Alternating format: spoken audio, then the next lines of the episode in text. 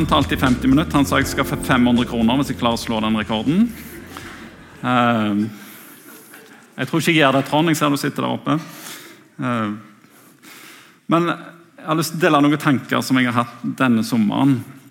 Uh, og litt før det òg. Men i sommer så var vi på bibelcamp. Det pleier vi å gjøre hvert år. Og det er veldig kjekt og veldig bra. og på en av på møtene der familiemøten der så var det en sang som vi sang flere ganger. og Det er 'Vår Gud er så stor, så sterk og så mektig'. Fins ingenting han ikke kan. Når jeg var liten, syntes jeg den var litt vanskelig, for det fins ingenting han ikke kan. Synes det er litt sånn vanskelig setning, Men det betyr i hvert fall at han kan alt. Eh, han er allmektig. Eh, og alle synger med, og det er god stemning. og og Så går vi ut etter møtet, kanskje, og så går vi på en nettavis på mobil og så ser vi en verden som holder på å gå av hengslene. Vi ser uh, vi har nettopp vært gjennom en pandemi. Uh, det er krig, stor krig, folk er på flukt. Det er snakk om matvaremangel, uh, strømkrise, kriminalitet. Og liksom Ja, er, er Gud er, er, du allmektig? Hva, hva er dette her? Um, og jeg forstår kjempegodt um, I mitt yrke så er jeg med ungdommer til vanlig. Og jeg forstår kjempegodt når de som ikke er kristne, og andre lurer på kan det være en gud eh, når sånt skjer. Er han god hvis han har all makt? Kan han ikke da ta vekk det som er vondt, og bare ha det godt hvis han er så god som dere sier? Og iallfall hvis han er allmektig. Um, og jeg tror vi som, vi som kristne òg opplever dette vonde. Uh, og stille spørsmål til dette. Profetene i Bibelen gjør det, spesielt kong David. det er bare til å lese salmen hans, så ser du spørsmålene han har til Gud. Hvorfor rammer dette her meg? Hvorfor får fiendene makt over meg? Hvorfor må jeg bli plaga? Og alt dette her. Eh, og Kanskje har du stilt deg det spørsmålet òg? Jeg håper egentlig du har stilt deg det spørsmålet, at du har reflektert litt over det. at det, Hvordan ting henger sammen. Og jeg håper dere at du har mulighet til å diskutere sånne spørsmål med noen. At du har noen som du kan snakke med ting som du lurer på. Iallfall har jeg det. Um, farfaren min han eh, døde da han var 96 år. tror jeg 96 var det han var. Og broren min var på dødsleiet ikke han. Og det han lurte på, det var hvem Kain gifta seg med. 96 år, og sikkert aldri våget å spurt noen om det. Uh, og jeg tenker det, Vi må være ærlige, og at det er rom for at vi kan lure på ting som gjelder vår tro. Um, og så blir vi så lett forvirra. Spesielt når jeg så det under pandemien, så florerer Facebook av uh, bibelvers uh, som forteller om løftene til oss kristne. Jesus er løsningen. Han vil berge deg. Om tusen faller på de sider, så skal du bli stående. Korona skal ikke ramme deg. Eh, du skal oppleve lykke. Han vil gi deg til den beste utgaven av deg sjøl. Eh, det er ikke måte på hva Gud vil gjøre og har lovt oss. Og så hvis vi er litt realistiske og kikker litt rundt oss, så stemmer det ikke. Eh, det er ikke sånn. Vi kan jo si det Ta ei dame i Midtøsten som blir kasta ut av familien. Som mister jobb, mister venner, familie må flykte fra byen, eh, miste sin verdighet. Eh, får ikke se ungene sine mer for at du tror på Jesus. Du har valgt å tro på Jesus. Kan vi si sånn til henne? Ja, men Gud vil du skal ha det bra. Gud vil du skal lykkes i det du gjør. Gud vil at alt skal være topp. Da tror jeg hun vil riste på hodet og forstår ikke hva vi snakker om. Så av og til når jeg har vært i sånn bok, kristen bokhandel, så har jeg tenkt godt og ikke de forfulgte kristne som er her inne og ser hva vi sliter med, for å si det sånn. Um, og Realiteten er sånn at vi opplever vanskelige ting, selv om vi er kristne. Eh, I USA så var det en undersøkelse for en stund siden, for der ville de finne ut hvorfor det var så mange som ble med i en menighet, og så etter kort tid så forsvant de ut av menigheten igjen. Så lurte de på hva var grunnen til det. Og når de begynte å undersøke og intervjue disse her, som hadde gått ut av menigheten igjen, så var det noe som gikk igjen, og det var at nei, Gud holdt ikke det som var blitt lovt. Jeg som alkoholiker jeg ble lovt jeg skulle bli tørrlagt og slippe denne her plagen med abstinenser. og sånt. Jeg gjorde ikke det. En av de som var syke av å ha blitt lovt helbredelse, de ble gjerne ikke friske. De som hadde utfordringer i ekteskapet, det ordna seg ikke på et blunk.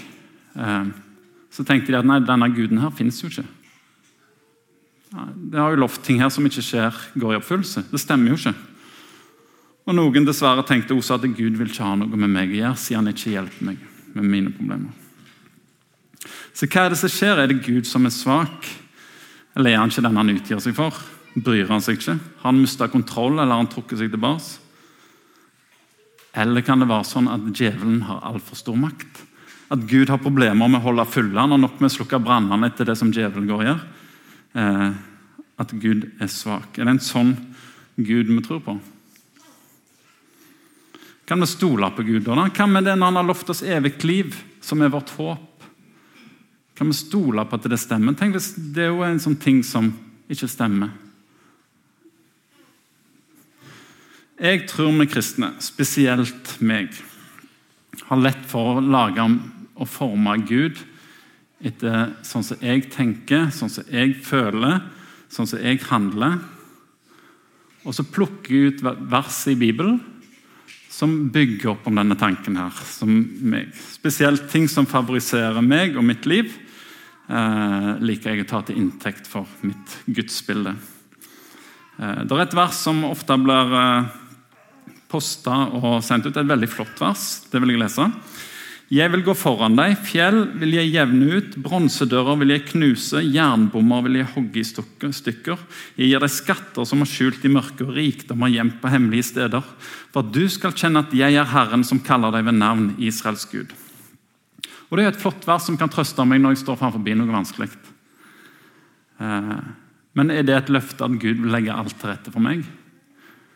Når jeg leverer inn en byggesøknad på noe jeg har lyst på, er det så at Gud jevner alt, og alt går lykkes for meg? Eller kan vi, når jeg skal fylle bensin som er litt dyre, er det så at prisen blir halvert på magisk vis? For Gud vil legge ting så til rette? Hva med bedehus som vi vil bygge ved? Jeg vet ikke hvor mange år det har holdt på nå. Føler vi at fjellet har blitt jevna ut, og bommer knust og sånn? Hvis vi er realistiske, så er det ikke det. Det har skjedd, det har vært stamper i veien og hindringer og ting og tang. Nå ser det heldigvis ut for at det går bra, eh, men vi er ikke garantert. Dette, der det verset er skrevet, skal jeg komme tilbake til sammenhengen litt etterpå. Og Djevelen, når han samtaler med Jesus, skal friste Jesus, så plukker han ut et vers som høres flott og fint ut. Men så slår Jesus tilbake med et annet vers som sier 'dette står hun. Um, og jeg tror det er mange vers i Bibelen som Gud kan bruke for å gi oss trøst. Eh, uansett hva sammenheng de står i. Det har jeg selv erfart, og det tror jeg mange av dere har erfart. At enkelte vers har dukket opp i tanken sin, eller at noen har gitt til dere. Jeg husker ennå når eh, mamma når hun var død, så fikk vi et vers fra Lars og Ragnar. Jeg husker ennå. Fra Jesaja, som fikk utrolig stor betydning for meg. da, husker jeg. Fikk en blomst med et kort der det sto vers. Og Sånne ting kan Gud bruke. Og Han kan bruke det verset jeg leste nå, han kan bruke alle vers hvis han ser vi trenger det i rett situasjon. Men vi kan ikke gi alle vers til en mal og en regel for livet vårt. at sånn er det når du er kristen. Ehm, og Jeg tror mange fortellinger i Bibelen vil lære oss noe om Gud. Og Heldige de som får gå på søndagsskolen og barnelag og får lese barnebibler og barnebøker. For der er alle disse fantastiske historiene tatt med. Eh, som ofte gjerne ikke hører så mye om på voksenmøter. Eh, og Jeg vil, vil ta for meg litt en historie. Jeg har ikke sett denne her i en barnebok, men den burde vært det. Det er fra den tiden når jødene var i fangenskap i Babel, Babylonia. Eh, de var kidnappa av kong Nebukadneser. Han hadde feid over landet over Juda, lagt Jerusalem og tempelet i grus. Eh, og ikke bare det, men Han hadde kidnappa innbyggerne. Det vil si at Han tok innbyggerne som bodde der, de fleste, og førte dem tilbake til sitt eget land og skulle få dem inn i den kulturen og gjøre dem til Babels bosetning. for å si det sånn. Um, I Jeremia så står det et løfte om den situasjonen. her. Gud sier at dette skal vare i 70 år. Eh, dette fangenskapet. Så skal dere få venner tilbake. Eh, og jeg tror de lengta hjem, mange av de. Eh, lengta hjem og hadde et håp om at de en gang skulle få vende tilbake. Kanskje tenkte de sånn at Gud vil gjøre sånn som han gjorde i Egypt, med å sende plager inn, og at eh, kongen her nå lar oss få dra hjem. Kanskje tenkte, kanskje tenkte, de at ja, kongen skifter mening eksempel, og lar oss dra hjem igjen. Eller gjerne de hadde mange sånne tanker. Og sikkert Mens de går med disse tankene, her, når det begynner å nærme seg 70 år, så, så skjer det noe en annen plass i verden. Noe stort Kjempestort, faktisk. Eh, for da er det en konge som står fram. En konge som heter Kyros, og han får Det virker som det lykkes utrolig godt for han. Han legger land etter land under seg. Eh, knuser all motstand og er helt suveren i hans ferd. Og han er på vei mot Babel, der som jødene er i fangenskap. I Jesaja 45 så står det en profeti. Og det står til og med nevnt Kyros. Det er ikke ofte Gud bruker konkrete navn i profetiene, og eh, men her står det. Så sier Herren til den han har salvet til Kyros, som jeg har grepet i høyre hånd for å tvinge folkeslag under ham og løse kongens belter, for å åpne dører for ham, og ingen port skal være stengt. Jeg vil gå foran deg, fjell vil jeg jevne ut, bronsedører vil jeg knuse, og jernbommer vil jeg hogge i stykker. Jeg gir deg skatter som er skjult i mørket, og rikdommer gjemt på hemmelige steder, for at du skal kjenne at jeg er Herren, som kaller deg ved navn, Israels Gud. Jeg er Herren, ingen annen, det finnes ingen annen Gud enn jeg. Jeg spenner beltet om livet på deg, enda du ikke kjenner meg, for de skal kjenne meg i øst og vest. Jeg har vakt opp en mann i rettferd, og alle hans veier jevner jeg ut. Han skal bygge min by og sende mitt folk hjem fra eksil uten betaling eller lønn, sier Herren over herskeren. Veldig konkret. Profetier har jo ofte to, flere betydninger. En åndelig og en inni verdenssituasjon. Eh, men her er det veldig konkret. Gud skal vekke opp en. En som ikke kjenner han, skal han bruke. Han skal til og med knuse fjell og legge alt til rette for at det skal lykkes for denne kongen. her. Ehm. Og Hvis vi går og leser i Esra, da, som er en profet som forteller litt om hva som har skjedd. Nå er etter at uh, dette har skjedd. I det første året Kyros var konge i Persia, vakte Herren en tanke i ham for at det ordet som Herren hadde talt gjennom Jeremia, Jeremia, det var han som profeterte at dette skulle være 70 år, skulle bli oppfylt. Perserkongen Kyros sendte da ut en kunngjøring i hele sitt rike, både muntlig og skriftlig. Så sier Kyros, kongen av Persia, Herren himmelens Gud har gitt meg alle kongeriker på jorden, og han har pålagt meg å bygge et hus for ham i Jerusalem, i Judea. Hvem av dere hører Juda, hvem av dere hører til hans folk? Gud være med dere, hver og en. Dere kan dra opp til Jerusalem i Juda og bygge et hus for Herren, Israels Gud. Han er det som er Gud i Jerusalem. Alle som er igjen, hvor de enn har slått seg ned som innflyttere, skal få hjelp av den som bor på stedet.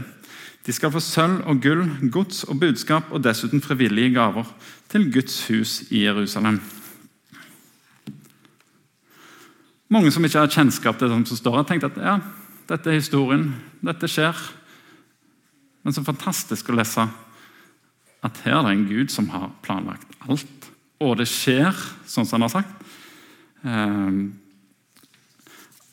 og han, Denne historien her, den viser meg at Gud har all makt. Han kan bruke hvem han vil. Han kan bruke en verdenshersker som var på den tid, som er mye større enn Putin eller presidenten i USA. eller noe sånt. De hadde mye mer makt da. Uh, og det bruker han akkurat sånn som han vil. Og han gir ham bare en tanke. Du, Kyros, nå gir jeg deg en tanke. Dette skal du gjøre. Og så gjør han det. Uh, og Sånne ting trenger jeg i dag. sånn som verdenssituasjonen er i dag. Jeg trenger sånne glimt av Gud for å se at han har kontroll. Altså, Vi tuller ikke med Gud. Eh, han har kontroll. Men burde han ikke da, hvis han har denne allmakten, eller burde han ikke oppfylt våre løfter og våre ønsker? Nå må dere bli med på en, um, i en lekepark. Der det er en sandkasse, og der sitter det noen unger. Der sitter òg Emma. Emma er tre år, hun har lyst på fløyteis. Kjempelyst på fløyteis. Hun har aldri smakt fløyteis, faktisk. Um, så hun bestemmer seg for nå vil jeg gå og spørre pappa om å få fløyteis. Hun går, og så sier faren nei, dessverre, vet du hva, du kan ikke få det. Men jeg har en vannis der du kan få det. Hun blir skuffa, hun vil ikke ha vannis. Hun går tilbake igjen. Trude hun er en god venninne av Emma. Hun sier du, kan hende du må spørre på en annen måte. Kanskje du skal gå litt mer ydmykt fram, kikke litt ned når du spør? kanskje? Emma prøver. Hun går til faren igjen spør hun. Kan jeg få en fløyteis, vær så snill? Nei, denne gangen nå. Eva hun er litt sånn taktiske. Hun sitter også i sandkassen. Hun sier det. Hvis du er litt sånn taktiske, så Jeg bruker ikke ordet taktisk når du er år, da. men hun sier at hvis du, hvis du rydder rommet ditt først da, Nei, ikke rommet ditt, men stov, kontoret til pappen din. La han få se at du rydder kontoret, og så spør du. Ja, Det må jo funke, da. Hun rydder, og han ser på. Ikke noe fløytis denne gangen heller. Pål sitter i nabosandkassen. Han har fått med seg hva som skjer, og han sier faren din han er ikke god. Altså Hvis han hadde vært glad i deg, elska deg, så hadde han selvsagt gitt deg den isen. Jeg vet dere har fløyteiser, for jeg så broren gikk med en tidligere i dag. Men så er alle de jentene de er enige om at faren er god, for han har jo gjort så mye godt mot Emma. Um, Line hun har jo vært mye i hjemmet til Emma, ei annen venninne. Og Hun sier det at vet du hva, jeg kjenner faren din såpass godt at jeg vet han har kjempelyst til å gi deg denne isen. Det er det han egentlig ønsker, men du mangler liksom den der linken for å løse ut den der at han kan gi deg den isen. Eh, hun får cheese. Hun får aldri den isen hun vil ha. Når Emma blir større, så tar faren på fanget og sier nå skal jeg forklare deg dette med den isen. Du har det som kalles laktoseintoleranse. Nedsatt toleranse for melkesukker fordi du har små mengder av enzymer laktase i tynntarm og slimhinner. Laktasemangel i tarmen kan gi reaksjon ved inntak av melkesukker. Det var en faglig definisjon på det. Så hvis jeg, far, sier faren, hvis jeg hadde gitt deg den isen du ville ha, så hadde du fått store smerter. Og du ville hatt det vondt, for du er allergisk mot det. Du tåler det ikke. Og vet du hva, Emma? Det gjorde meg vondt å si nei, for jeg så hvor lyst du hadde på dette. her, Og det var vondt for meg å si nei. Alle gangene. Men jeg hadde ikke vært god om jeg hadde gitt deg den isen. Snarere tvert imot. Eh, for du har ikke tålt det. Eh, jeg reagerer av og til når noen sier at jeg har endelig fått bønnesvar. Emma fikk svar hver, hver gang, og det er et bønnesvar. Hun fikk nei. Det er like mye bønnesvar som et ja. Men vi snakker litt som om at bønnesvar er når vi får vår vilje. Da kan vi skrive bøker, da kan vi gjøre altså sånne ting, for de har fått bønnesvar. Men folkens, vi får bønnesvar hver gang vi går til Gud. Men nei, det kan være ja, det kan være nei, det kan være vent litt seinere. For vi, og vi er litt sånn at vi vil ha forklaring når vi får et nei. Det er sånn med mennesker er. Når ungene mine spør om å gå på iPad, og jeg sier nei, så spør de hvorfor det. Og så må jeg begrunne min avgjørelse for at de skal se om det er rettferdig. og sånt.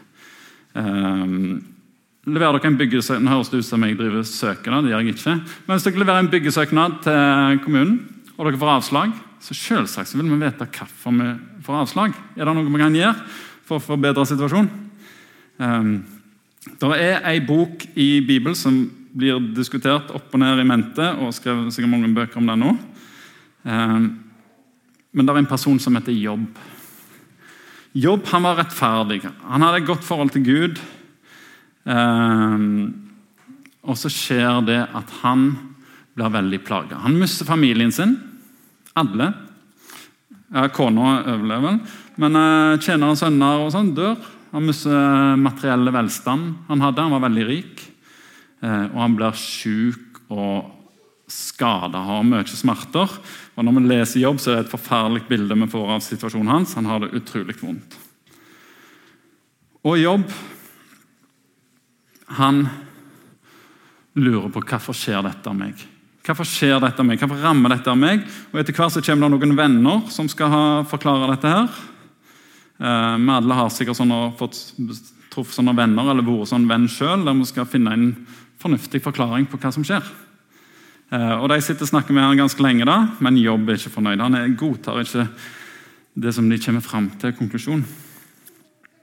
Han, eh, men så skjer det på slutten av boka at Gud møter Jobb Gud møter jobb i en storm. Og så sier han jeg synes dette er fantastisk, for her får vi litt av den der autoriteten til Gud. for Den, den savner jeg litt, den må vi høre mer om. Altså. Men hvem er dette som formørker min plan med uforstandige ord? Spenn beltet om livet som en mann, så vil jeg spørre deg, og du skal svare. Hvor var du da jeg grunnla jorden? Fortell det hvis du vet det. Og så har vi flere kapitler der Gud peker på sitt skaperverk, og hvordan han holder det oppe, hvordan han kontrollerer det, hvordan han gir dyrene mat. Alt dette greiene her. Um, og så ender det med at Jobb svarer Jeg vet du makter alt. Ingenting er umulig for deg når du vil det. Hvem skjuler din plan med uforstand? For jeg har talt uten å forstå om det som er så underfullt at jeg ikke fatter det. Så hør på det jeg nå sier. Jeg vil spørre deg, så du kan lære meg. Før hadde jeg bare hørt rykter om deg.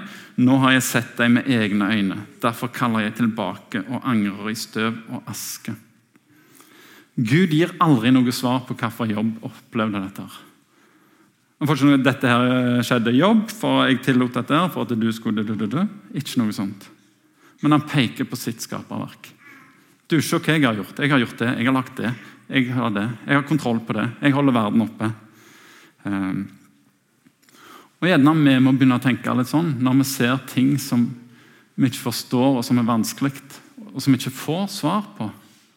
Kan vi rette blikket opp og se, se på hva Gud har skapt? En annen historie som vi har ofte på søndagsskolen og, og er på barnelag, sånt, det er når Jesus stiller stormen. Fantastisk historie, men det skjer et eller annet med historien når han er på vei opp her, og det at han blir veldig åndelig at vi er på en reis, og at Jesus alltid er om bord. Og det er helt rett og flott, men vi bør ta med det som jeg tror er hovedpoenget med den historien. Når disiplene er i båten, og det blir en stor storm, og de er redde for å dø, og Jesus reiser seg opp og sier 'bli stille', og stormen stopper. Det hadde vært interessant å ha en meteorolog her nå og fortalt litt hva som må til for at en storm skal plutselig stoppe.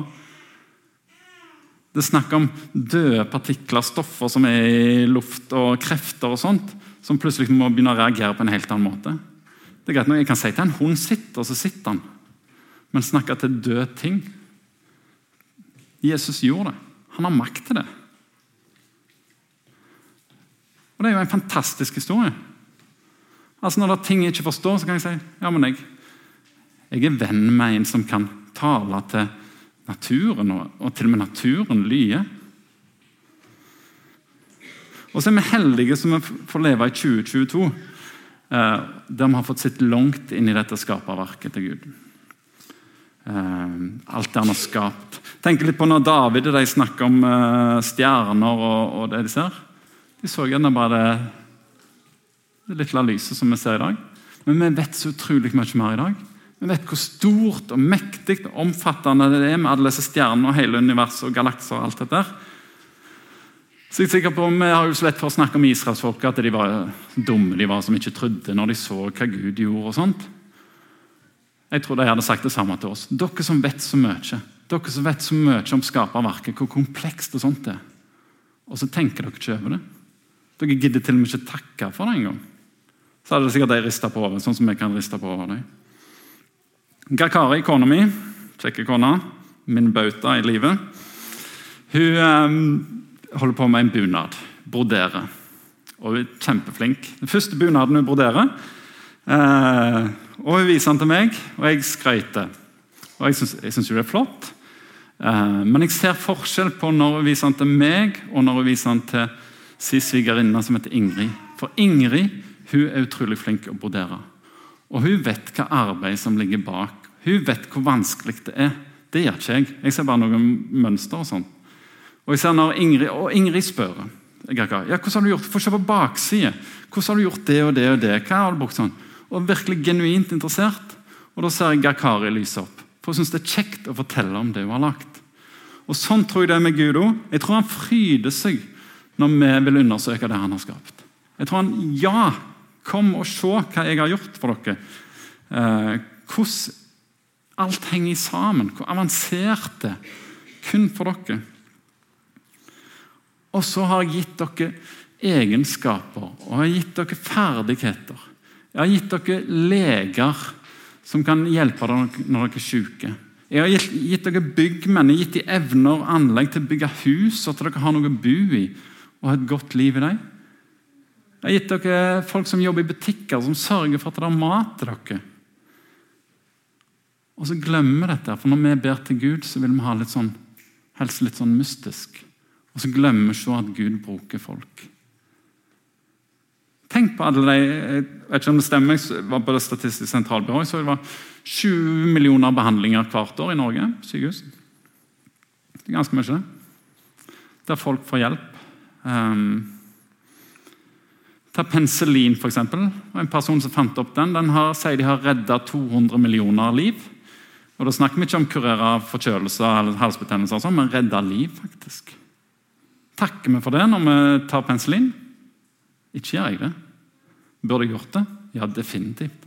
Jeg burde takke Gud for at han har skapt folk med evner og anlegg som kan være til hjelp for oss. Og tenk for alt han gjør for oss uten at vi ber om det. Er det noen som ba om frihet i dag, for eksempel, før dere, etter dere sto opp? Eller takket for at vi får ha fred i landet vårt? Nei, ikke gjorde jeg det. Men det burde vært en selvfølge. Og jeg tror det Når vi snakker om at Gud er god Gud er god for at jeg fikk svar på mitt ønske. Faktisk er Gud god uansett hva svar du får. Eh, for han har en god intensjon med alt. Og Så må vi erkjenne at Gud er Gud, og vi er ikke det. Gud er, lar seg ikke manipulere. Vi klarer ikke å trikse oss fram til at han skal liksom bli lurt til å gjøre et eller annet.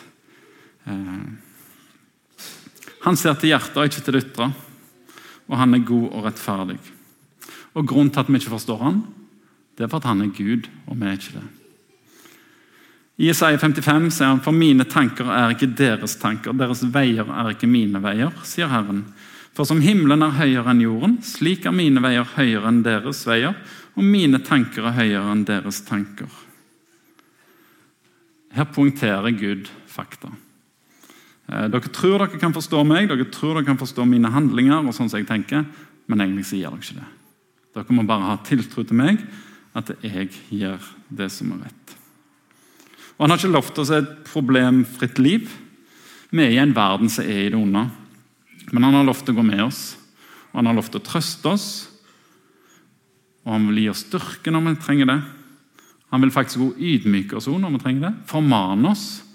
Um, rettlede oss og helbrede oss. Og Måten han som regel gjør dette på, er at han bruker folk. Tenk på den personen som ga deg det smilet som du trengte den dagen.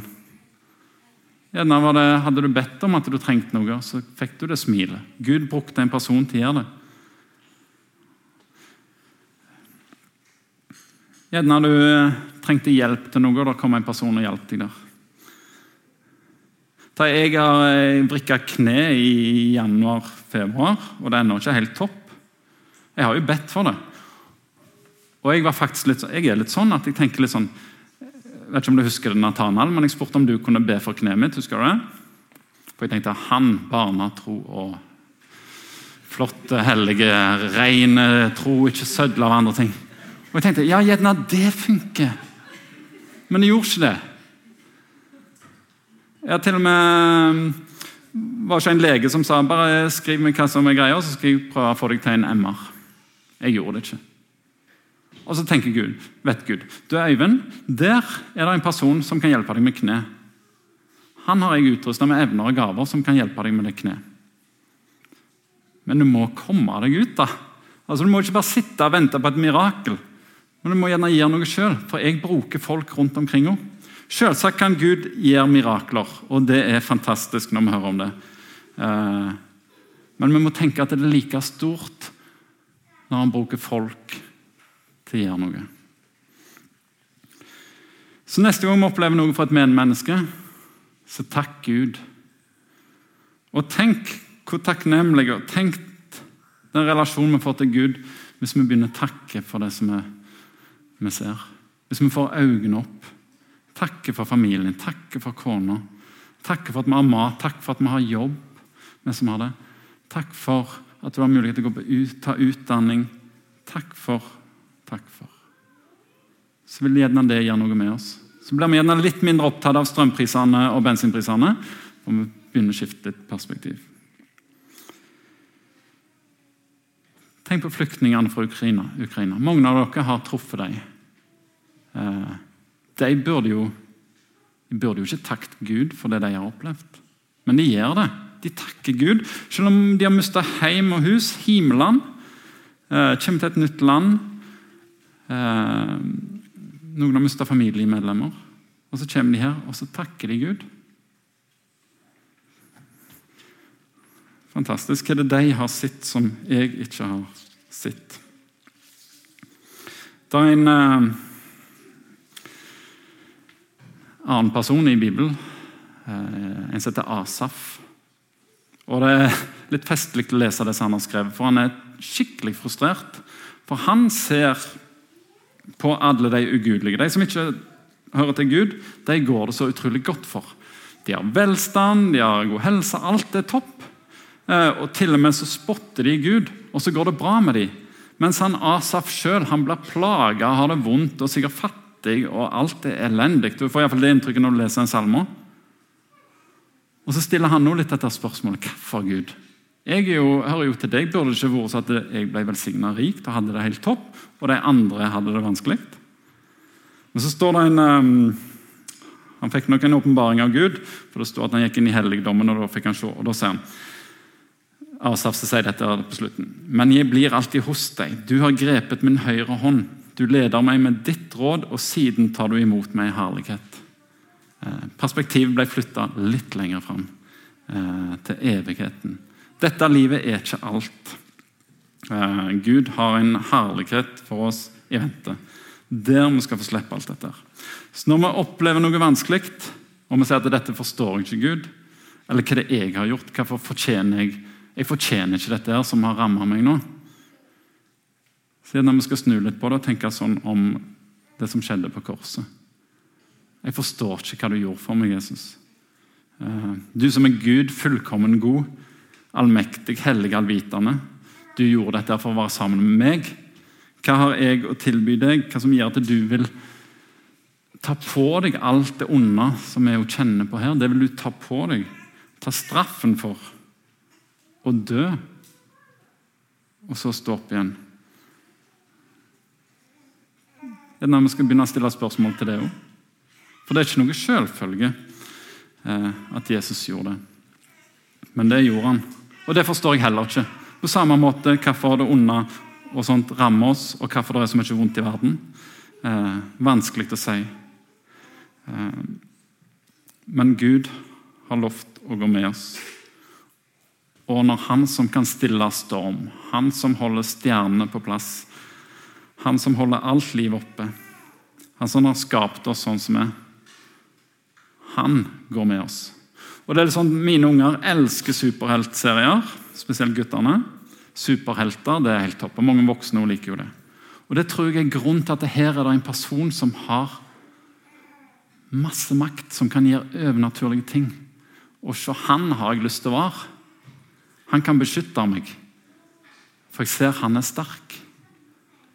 Og Sånn er det med Jesus også. Når vi har vanskeligheter og tviler, og vi opplever motstand i dette land som, som det dessverre blir mer og mer av, så må vi tenke Vi får gjerne ikke svar på hvorfor Gud tillater det, men vi kan se hvem Gud er, og gjerne det kan trøste oss. Eh, og at vi har fokuset på Gud, at vi retter blikket på Han. Eh, og at vi tenker litt når vi ser de historiene som er i Bibelen. Prøver ikke å la alt dreie seg om oss hele veien, Men at faktisk her, her må vi se på Gud. Um, jeg har um, spurt om Gakari de kunne synge en sang. Gakari Ingalil de har en sang. Um, og Den uh, handler om Guds godhet. Og Den er skrevet ut fra Salme 23. Uh, og Det er jo en fantastisk salme. og Jeg liker spesielt godt at 'Dødsskyggens dal' er kommet med der. For Den viser oss realiteten at livet er er ikke enkelt. For Noen er lengre nede i denne dalen her enn andre. Noen toucher han så vidt, noen er langt nede. Her er det forskjellig. Eh, men at Gud er med der òg. Han er med i dødsskyggens dal. Og så Der David kan si at 'jeg mangler ingenting'. Der er ikke jeg ennå. Jeg håper jeg kommer der i dette livet. her.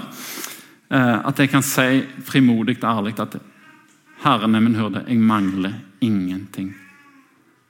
Mens så er jeg litt sånn at ja, hva jeg mangler, jeg kunne fulgt opp en liste hva jeg mangler. Eh, for perspektivet mitt er på en helt feil plass.